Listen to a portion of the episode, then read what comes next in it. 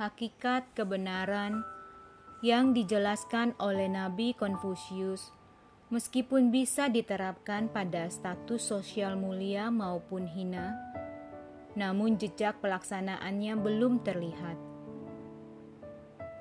Di dalam kitab sejarah mengatakan Tuhan melahirkan rakyat yang berada di posisi bawah juga melahirkan seorang pemimpin yang bijaksana dan seorang guru.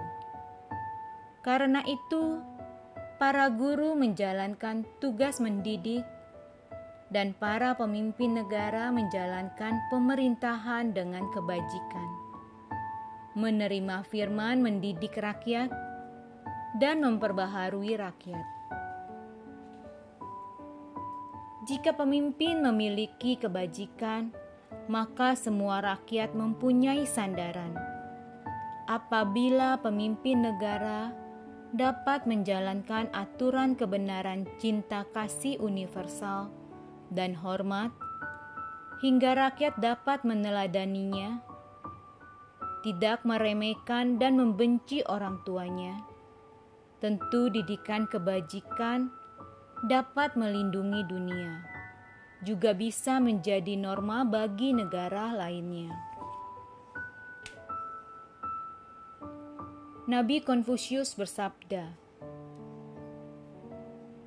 "Orang yang mencintai orang tuanya tidak berani benci dan jahat pada orang lain. Orang yang menghormati orang tuanya." Tidak berani meremehkan orang lain. Watak surgawi sepenuhnya yang menghormati dan mencintai orang tua.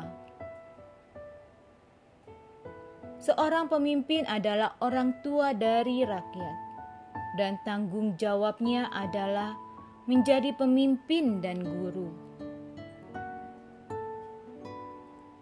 Tuhan melihat seperti yang dilihat oleh rakyat. Tuhan mendengar seperti yang didengar oleh rakyat. Jika rakyat makmur, maka firman Tuhan akan senantiasa ada. Sebaliknya, jika rakyat melarat dan miskin, maka firman Tuhan akan putus selamanya.